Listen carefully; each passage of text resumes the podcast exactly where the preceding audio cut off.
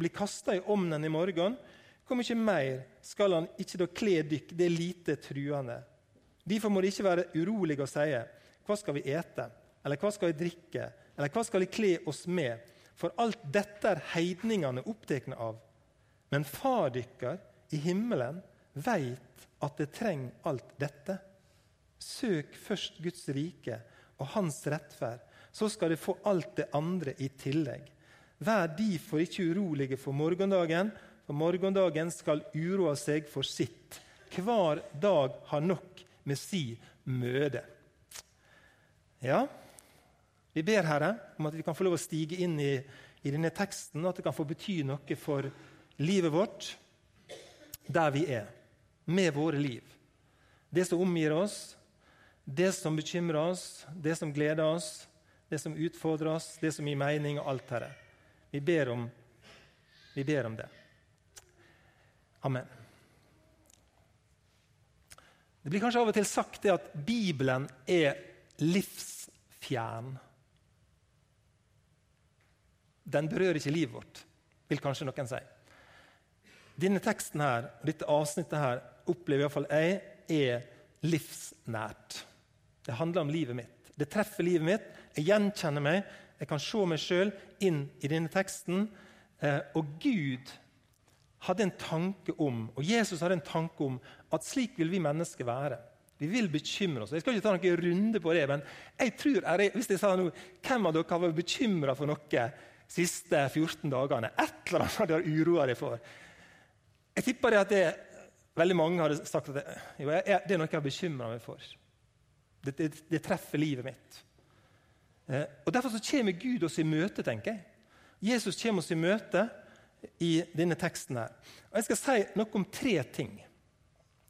som jeg tror Det er ikke noe sånn sesam, sesam, men det er en måte å ta imot Guds tanke om bekymring på. Det er en måte å ta imot hvordan Jesus tenker om bekymring, og hva vi skal få lov å på en måte lene oss i eller leve i som Guds barn. For det første, bekymring er egentlig nytteslaust. Det, det, det, det er helt sånn gagnløst. Det nytter ikke å bekymre seg, sier Jesus. Hvem av dere kan med all sin uro legge en eneste alen til livslengda si? Det er litt sånn filosofisk spørsmål. sant? Altså, Hvem kan legge én alen? Altså, en romersk alen det var 0,45 meter, altså 45 cm. Hvem kan, spør Jesus, med all sin bekymring legge én alen, altså 45 cm, til livslengda si? Samme hvor hardt du bekymrer deg, så vil ikke du kunne forlenge livet, sier Jesus. Egentlig så er det vel kanskje bare egnet til å ødelegge og forkorte. Ikke bare sånn eh, antall år, men hele kvaliteten i livet vårt. Det handler om at bekymring det kan ødelegge livet. Det reduserer livskvaliteten vår, rett og slett.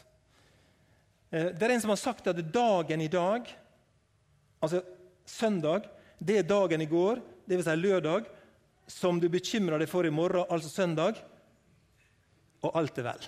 Klarte dere å følge med? Altså, Dagen i dag, det er søndag. sant? Og dagen i går, da bekymrer jeg meg for søndagen. Og i dag er det søndag, og alt er vel. Det er ikke alltid sånn, men det er noe i det. Plutselig så kom den bekymringa, det vi bekymrer oss så tungt for, og så gikk det faktisk så mye bedre enn vi trodde. Sånn som det gjorde for meg en gang, som jeg sikkert har fortalt om før, når jeg skulle til tannlegen. Og Jeg hadde en tannlege på Sunnmøre som het Helge Børre. Ødegård. Ødegård. Børre. Jeg kunne ikke ha hett Svein eller Sindre Olsen, men han heter Helge Børre Ørgaard. en kjempegod tannlege. Eh, og, og, Jeg gikk til han, og han redda tanngarden til mor mi. Og han er kanskje redda tanngarden min. Eh, og så var det sånn at når jeg skal til tannlegen, så jeg bekymrer meg litt for det. Jeg er redd den, den, den smerten i boret. Vet ikke om det andre enn jeg ser det. Men den tannlegeskrekken den kjenner jeg litt på enda, selv om det er ikke er så galt nå lenger. Men, men kjenner på det. Og så Når jeg våkner om morgenen den dagen jeg skal til tannlegen, da bare ah, Hva er det for noe i dag? Det går et halvt sekund, jeg skal til tannlegen. Jeg bare kjenner det i kroppen. Og Dette her er mange år siden det skjedde. Våkna opp morgenen, Langvågen der jeg bodde. Satte meg i bilen og kjørte inn mot Spjelkavika over Veksundbrua. hadde også lokalkjent der? Og så kom jeg inn i Spjelkavika. Der går jeg inn i tannlegekontoret. Og dere vet hvordan det lukter på et tannlegekontor. Det er liksom ikke... Og det, det, det, det er bladene som ligger på bordet der. liksom, sant? Det er jo sånne tannlegeblad. det er bare sånn... Men Der sitter jeg og bare kjenner det på bekymringa. Tenker det. Hvordan skal det gå i dag? Sant? Og så tenker jeg om én time, da er jeg ferdig. Sånn, tenker dere sånn? Det er da det er over. Sånn tenker jeg. Og så kommer han Helge Børre ut, smilende. Og så ser han på meg og så sier han det. 'Ja ja, Ferstad. Du er ei for tidlig ute.' Å? Altså, Da hadde jeg møtt opp ei uke før jeg skulle til tannlegen. Og bekymra meg. Tenk på dette her, hvordan skal det gå om en time er over? Så fikk jeg bare en ny bekymring. Det er jo helt vike til jeg skal til tannlegen. Måtte bare gå igjen. Hvem kan med all sin bekymring, sier Jesus, legge en al til livslengda? Det er noe i oss som, som, gjør at vi tenker at det hjelper på, men det hjelper ikke på. Han, Ingvald eh, Wilhelmsen, han er eh, psykologihumoristen og, og karen som bor i Bergen og driver denne hypokonderklinikken oppe her, han, han, snakker om det. Det er jo ren psykologi, egentlig. Hvorfor skal du ta alle bekymringer på Kan du heller ta dem når de kommer? Hvorfor skal du gjennomleve alle sykdommene før de kommer? Kan ikke bare vente og se om du får den sykdommen. Og så, det, så, viser det at når vi får den, så takler vi faktisk mye bedre enn vi trodde. Vi takler det faktisk bedre når det er der. Men det å bekymre seg på forhånd det er nyttesløst. Si faktisk Jesus.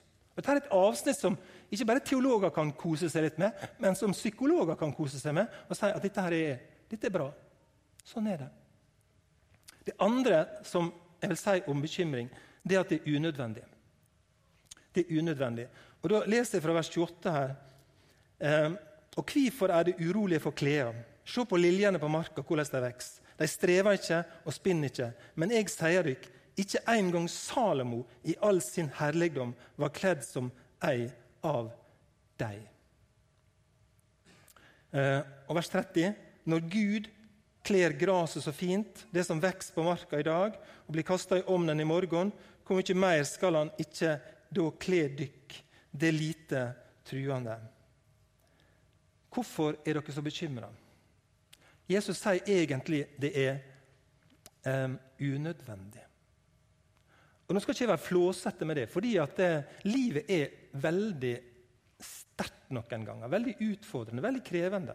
Jeg skal ikke bagatellisere at det er ting som er veldig krevende i livet vårt. Og Likevel så sier Jesus noe om at det å være et Guds barn, og det å være, ha Gud som far, det, det, det, handler noe om at det er en som har omsorg for oss også. Midt i det strevsomme. Se på fuglene, sier han. Se på blomstene. Se på liljene på marka. Sant? Som står i dag og blir kasta i ovnen i morgen, eller på tirsdag eller onsdag. Da er de ferdige. Se på dem, sier eh, Og ikke dere mer enn dem. Og så sier Jesus noe artig. Ikke engang Salomo ikke engang Salomo i all sin herlighet var kledd som ei av disse liljene. Jeg synes Det er litt kjekt at Jesus refererer til Det gamle testamentet. Og Det gjør han på ulike måter. Og Denne gangen her så refererer han til kong Salomo. Eh, og Han kan vi lese veldig mye om. og Jeg tenkte at jeg må nesten, jeg må nesten lete litt opp der, så om jeg finner ut noe om Salomo som sier meg at han er finere kledd enn den lille på marka. Og jeg måtte bla liksom litt tilbake. Altså Salomo, Kong Salomo han er jo ikke kjent egentlig for sin klesstil. egentlig da. Eh, det, er ikke, det, er ikke, garderoben til Salomo måte som, som er liksom Wow! eh, se på Salomo og, og, og lære å kle dere. Og, og det er ikke det han er mest kjent for, tenker jeg. Men han er mest kjent for sin visdom, egentlig. Ekstrem visdom. Der, han, der han, han, ba om å få en visdom som var større enn noe. Han fikk det. Fikk en ekstrem visdom, innsikt, der han, han smidde eh, ordtak og laga sånne korte fyndord han laga ordspråk, han laga høgsanger. Han, han, han, var liksom kjent for å være veldig veldig klok. da. Eh, og Han sier bl.a.: ta vare på hjertet framfor alt du tar vare på. Han sier ikke ta vare på garderoben din framfor alt du tar vare på, men ta vare på hjertet ditt. Det er virkelig noe å ta vare på. Det er virkelig noe å tenke på. Eh, det står i, i kapittel 4 i ordspråket akkurat det. da. Eh, han sier også det at det, glede i hjertet gjør andletet vennlig. Sorg i hjertet gjør motløs. Og Det er jo sånn det er. Det er jo klokt sagt. Det er det han er kjent for, tenker jeg egentlig. da. Men Jesus han sier altså ikke her lytt til Salomo, men se på hvordan han kledde seg. Eh, og I første kongebok kapittel 10 så er det en fascinerende beskrivelse av det. Det er akkurat som sånn hjemme hos-reportasje. Det er sånn Se og Hør, nesten. forstår dere? Bli med hjem til Salomo. Og, og, Den som er, journalisten, eller den som tar oss med hjem til Salomo, det er dronningen av Saba. Dronningen av Saba. forstår du? Har du hørt om han? Og Jeg leser kapittel 10 i første kongebok. Dronninga av Saba fikk høre om Salomo og det han hadde gjort for Herrens navn. Kom hun og ville prøve han med gåte. Hun kom til Jerusalem med et stort følge, med kameler som bar balsamolje, store mengder gull og edelsteiner. Hun steg fram for Salomo og talte med han om alt som lå henne på hjertet. Og Salomo tydde alle gåtene hennes. Det fantes ikke noe som var løgn for kongen, så han ikke kunne gi henne svar. Det er jo helt fantastisk. Alt hun lurte på. Uansett hva hun grov og spurte på, så fikk hun svar. Og så står det da dronninga av Saba fikk se all visdommen til Salomo, huset hans han hadde bygd, rettene på bordet hans, hoffmennene der de satt, tjenerne som varta opp, og klærne deres, står det. Det var den jeg var litt på jakt etter. Og klærne deres, munnskjenkene til kongen og brennofra som han bar fram i Herrens hus, mista hun helt pusten, står det. Fulgte dere med nå? Ja.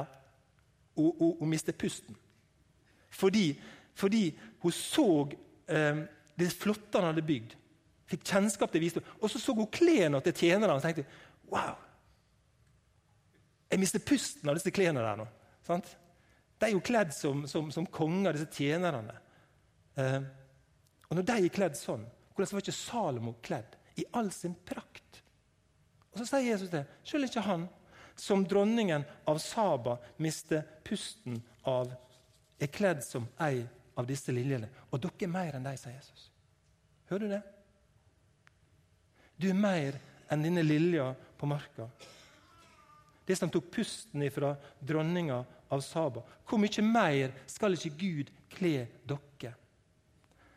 Eh, bekymring handler om at Jesus sier det er unødvendig. Det er unødvendig.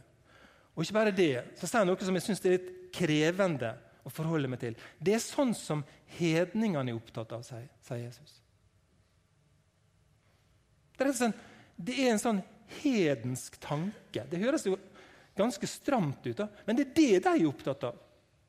Men dere som har en, en Gud og en far, dere skulle tenke annerledes om disse tingene her. Og Du skal få lov å sette din vei i Herrens hånd, som salmisten sier. Stole på Han. Også i spørsmål om, om klær og mat.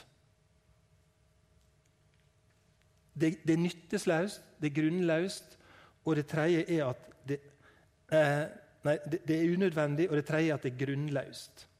Og Det er kanskje det sterkeste i denne beretninga, syns jeg. da, I vers 31 Vi går tilbake til Matteusevangeliet. Det var jo der det hele begynte. og Vi kan jo ikke forlate det. sant?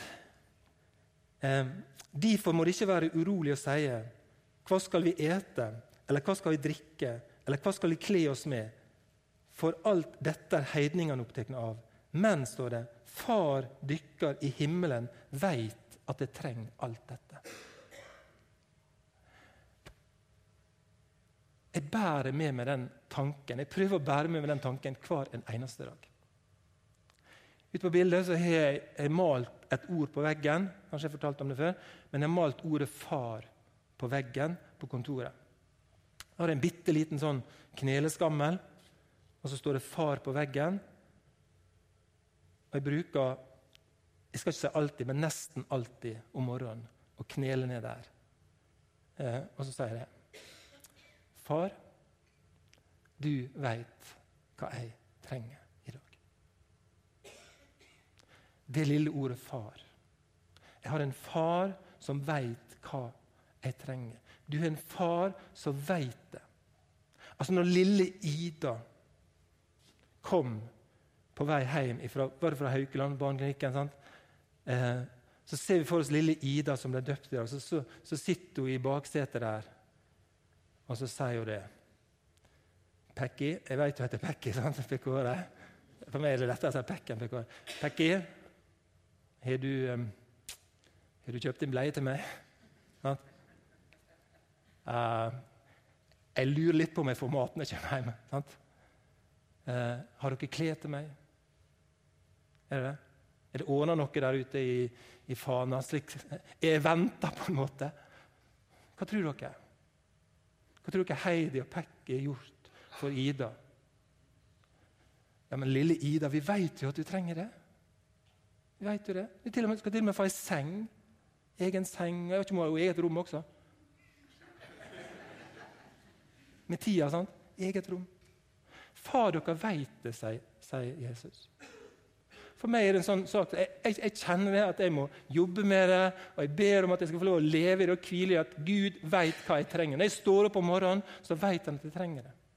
Og en, en far som vil meg det gode. Far, dere veit det.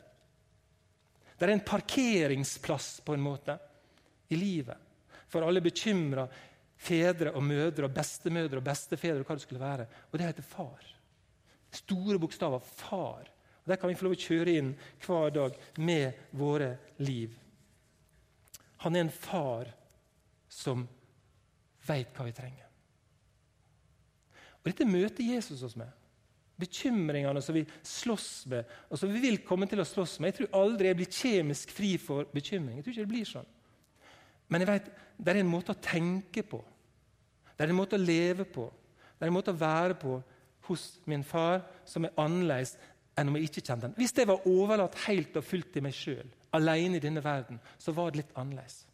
Men jeg er ikke det. For jeg har en far som veit hva jeg trenger fins der en far mellom dere. Hvis du går bitte litt lenger ut i Matteusevangeliet, i kapittel 7 der, eh, står det i vers 9.: Hvem av dere gjev sønnen sin en stein når han ber om brød? Eller en orm når han ber om fisk? Når det som er vonde, sier Jesus, veit å gi barna deres gode gaver, hvor mye mer skal ikke da Far deres i himmelen gi gode gaver til de som ber Han? Altså Når vi som er per definisjon da, vi er jo ganske greie, det er ikke det, men, men, men, vi er per definisjon vonde, sier Jesus. Det er et eller annet som vi bærer med oss, som gjør at ikke vi ikke er fullkomne. Sånn er det. Og Vi gjør dumme ting og gjør vonde ting, men vi gjør likevel gode ting.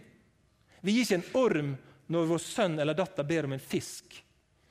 Det er sjelden at unger ber om fisk, kanskje, men de ber om pølse, da, det, eller hva det skal være, så får ikke de 'Vær så god, her har du en orm.' Det er ikke sånn det er. Vi gir det gode. Og når vi er sånn, sier Jesus, hvor mye mer skal ikke far dere gi gode gaver til de som ber han? Sånn er Gud. Sånn er Gud som far. Fedre er som brød, har Arne Næss sagt, han filosofen. Jeg kjørte over Hardangervidda i år igjen. Jeg gjør det ganske ofte. Eh, og kjører over Hardangervidda, og, og, du kommer, kommer liksom over vidda, så, så ser du Hallingskarvet. Hallingskarvet som Per Gynt ser når han kommer hjem fra sin utreise. Sant? Så ser jeg hallingskarvet. Sant? Og det er som et brød, sier han Anenes. Det ligger der sånn Det er ikke sånn, liksom. Det er andre fjell som er sånn, men det er ikke som fedre. Fedre er som brød. Er dere med? Trygt, stabilt jeg på å si, dufter godt. For et barn. Sånn er Gud. Han som veit hva vi trenger. Så vet dere det, Jeg tror mange av dere vet det, at Filippa-brevet taler noe om at vi kan få gjøre noe med alle disse bekymringene våre. Vi kan få lov å gjøre noe med dem. I um, kapittel 4, vers 6 så står det eh, Vær ikke urolige for noe. Men legg alt det har på hjertet, framfor Gud i bønn og påkalling med takkseiing. Hvor skal vi gå med det? Jo, vi skal få lov å gå til Gud med det som bekymrer oss. Og I går kveld så talte jeg her til Betlehem Unggjengen om 1. Peters brev. Og i 1. Peters brev, kapittel 5 og vers 7, så står det et ord akkurat det samme. 1. Peter 5, 7. Kast all dykkers sut eller uro på Han, for Han har omsorg for dykk. Kast det på Han. Kast det, Så kommer det tilbake, og så kaster jeg på nytt igjen. Og der vil jeg leve med livet mitt. Der vil Jeg leve med livet. Jeg skal få lov å kaste det på Han.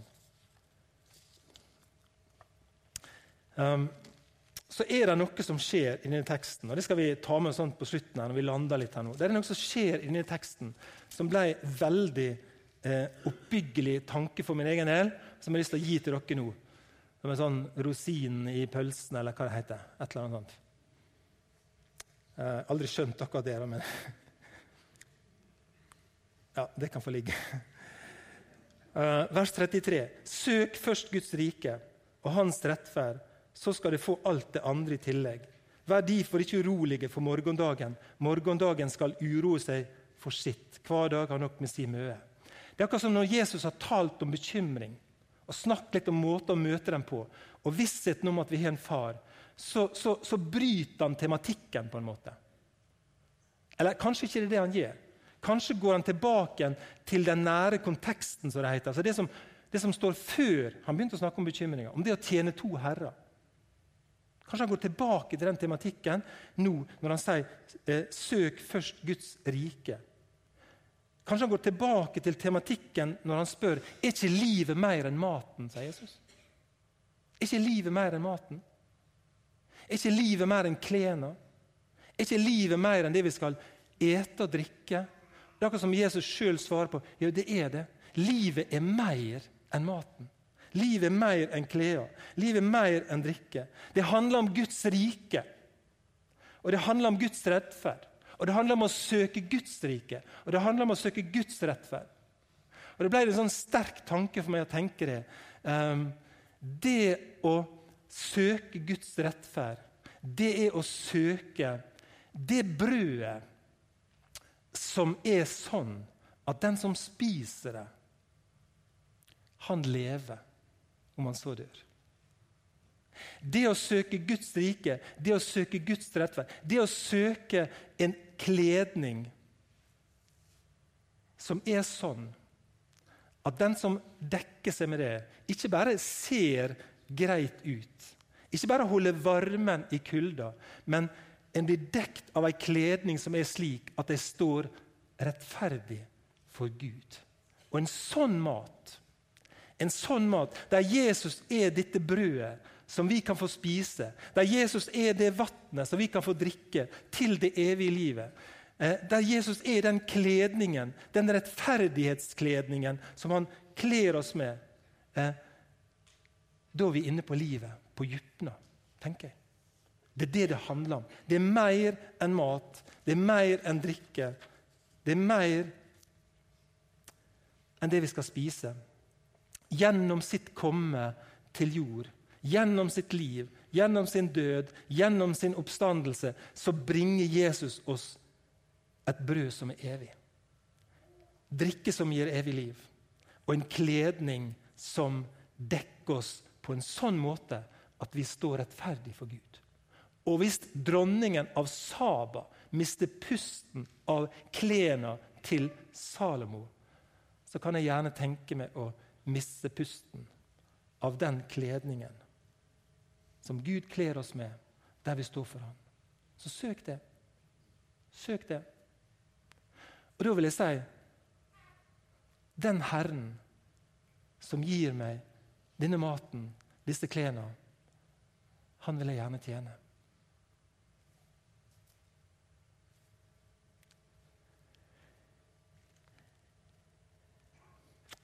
Jeg ber deg.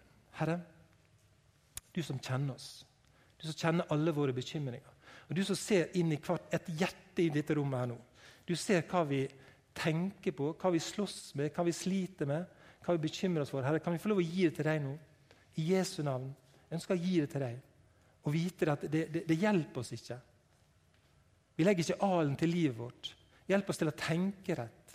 Hjelp oss til å hvile i at du er vår far, som veit hva vi trenger akkurat i dag. At du har omsorg for oss. Ikke bare på det, på det materielle, men på det åndelige også. Aller mest der. Der du veit at det vi trenger for å leve, det er ditt eh, brød, Herre. Det er tilgivelsen, det er nåden. Det er den kledningen som Ida ble ikledt i dag. Så vi gjerne kan miste pusten av. Så du har skaffa oss. At vi skal få lov å stå rettferdig for deg. Tilgitt alle våre synder. Vi priser deg for det. I ditt hellige navn. Amen.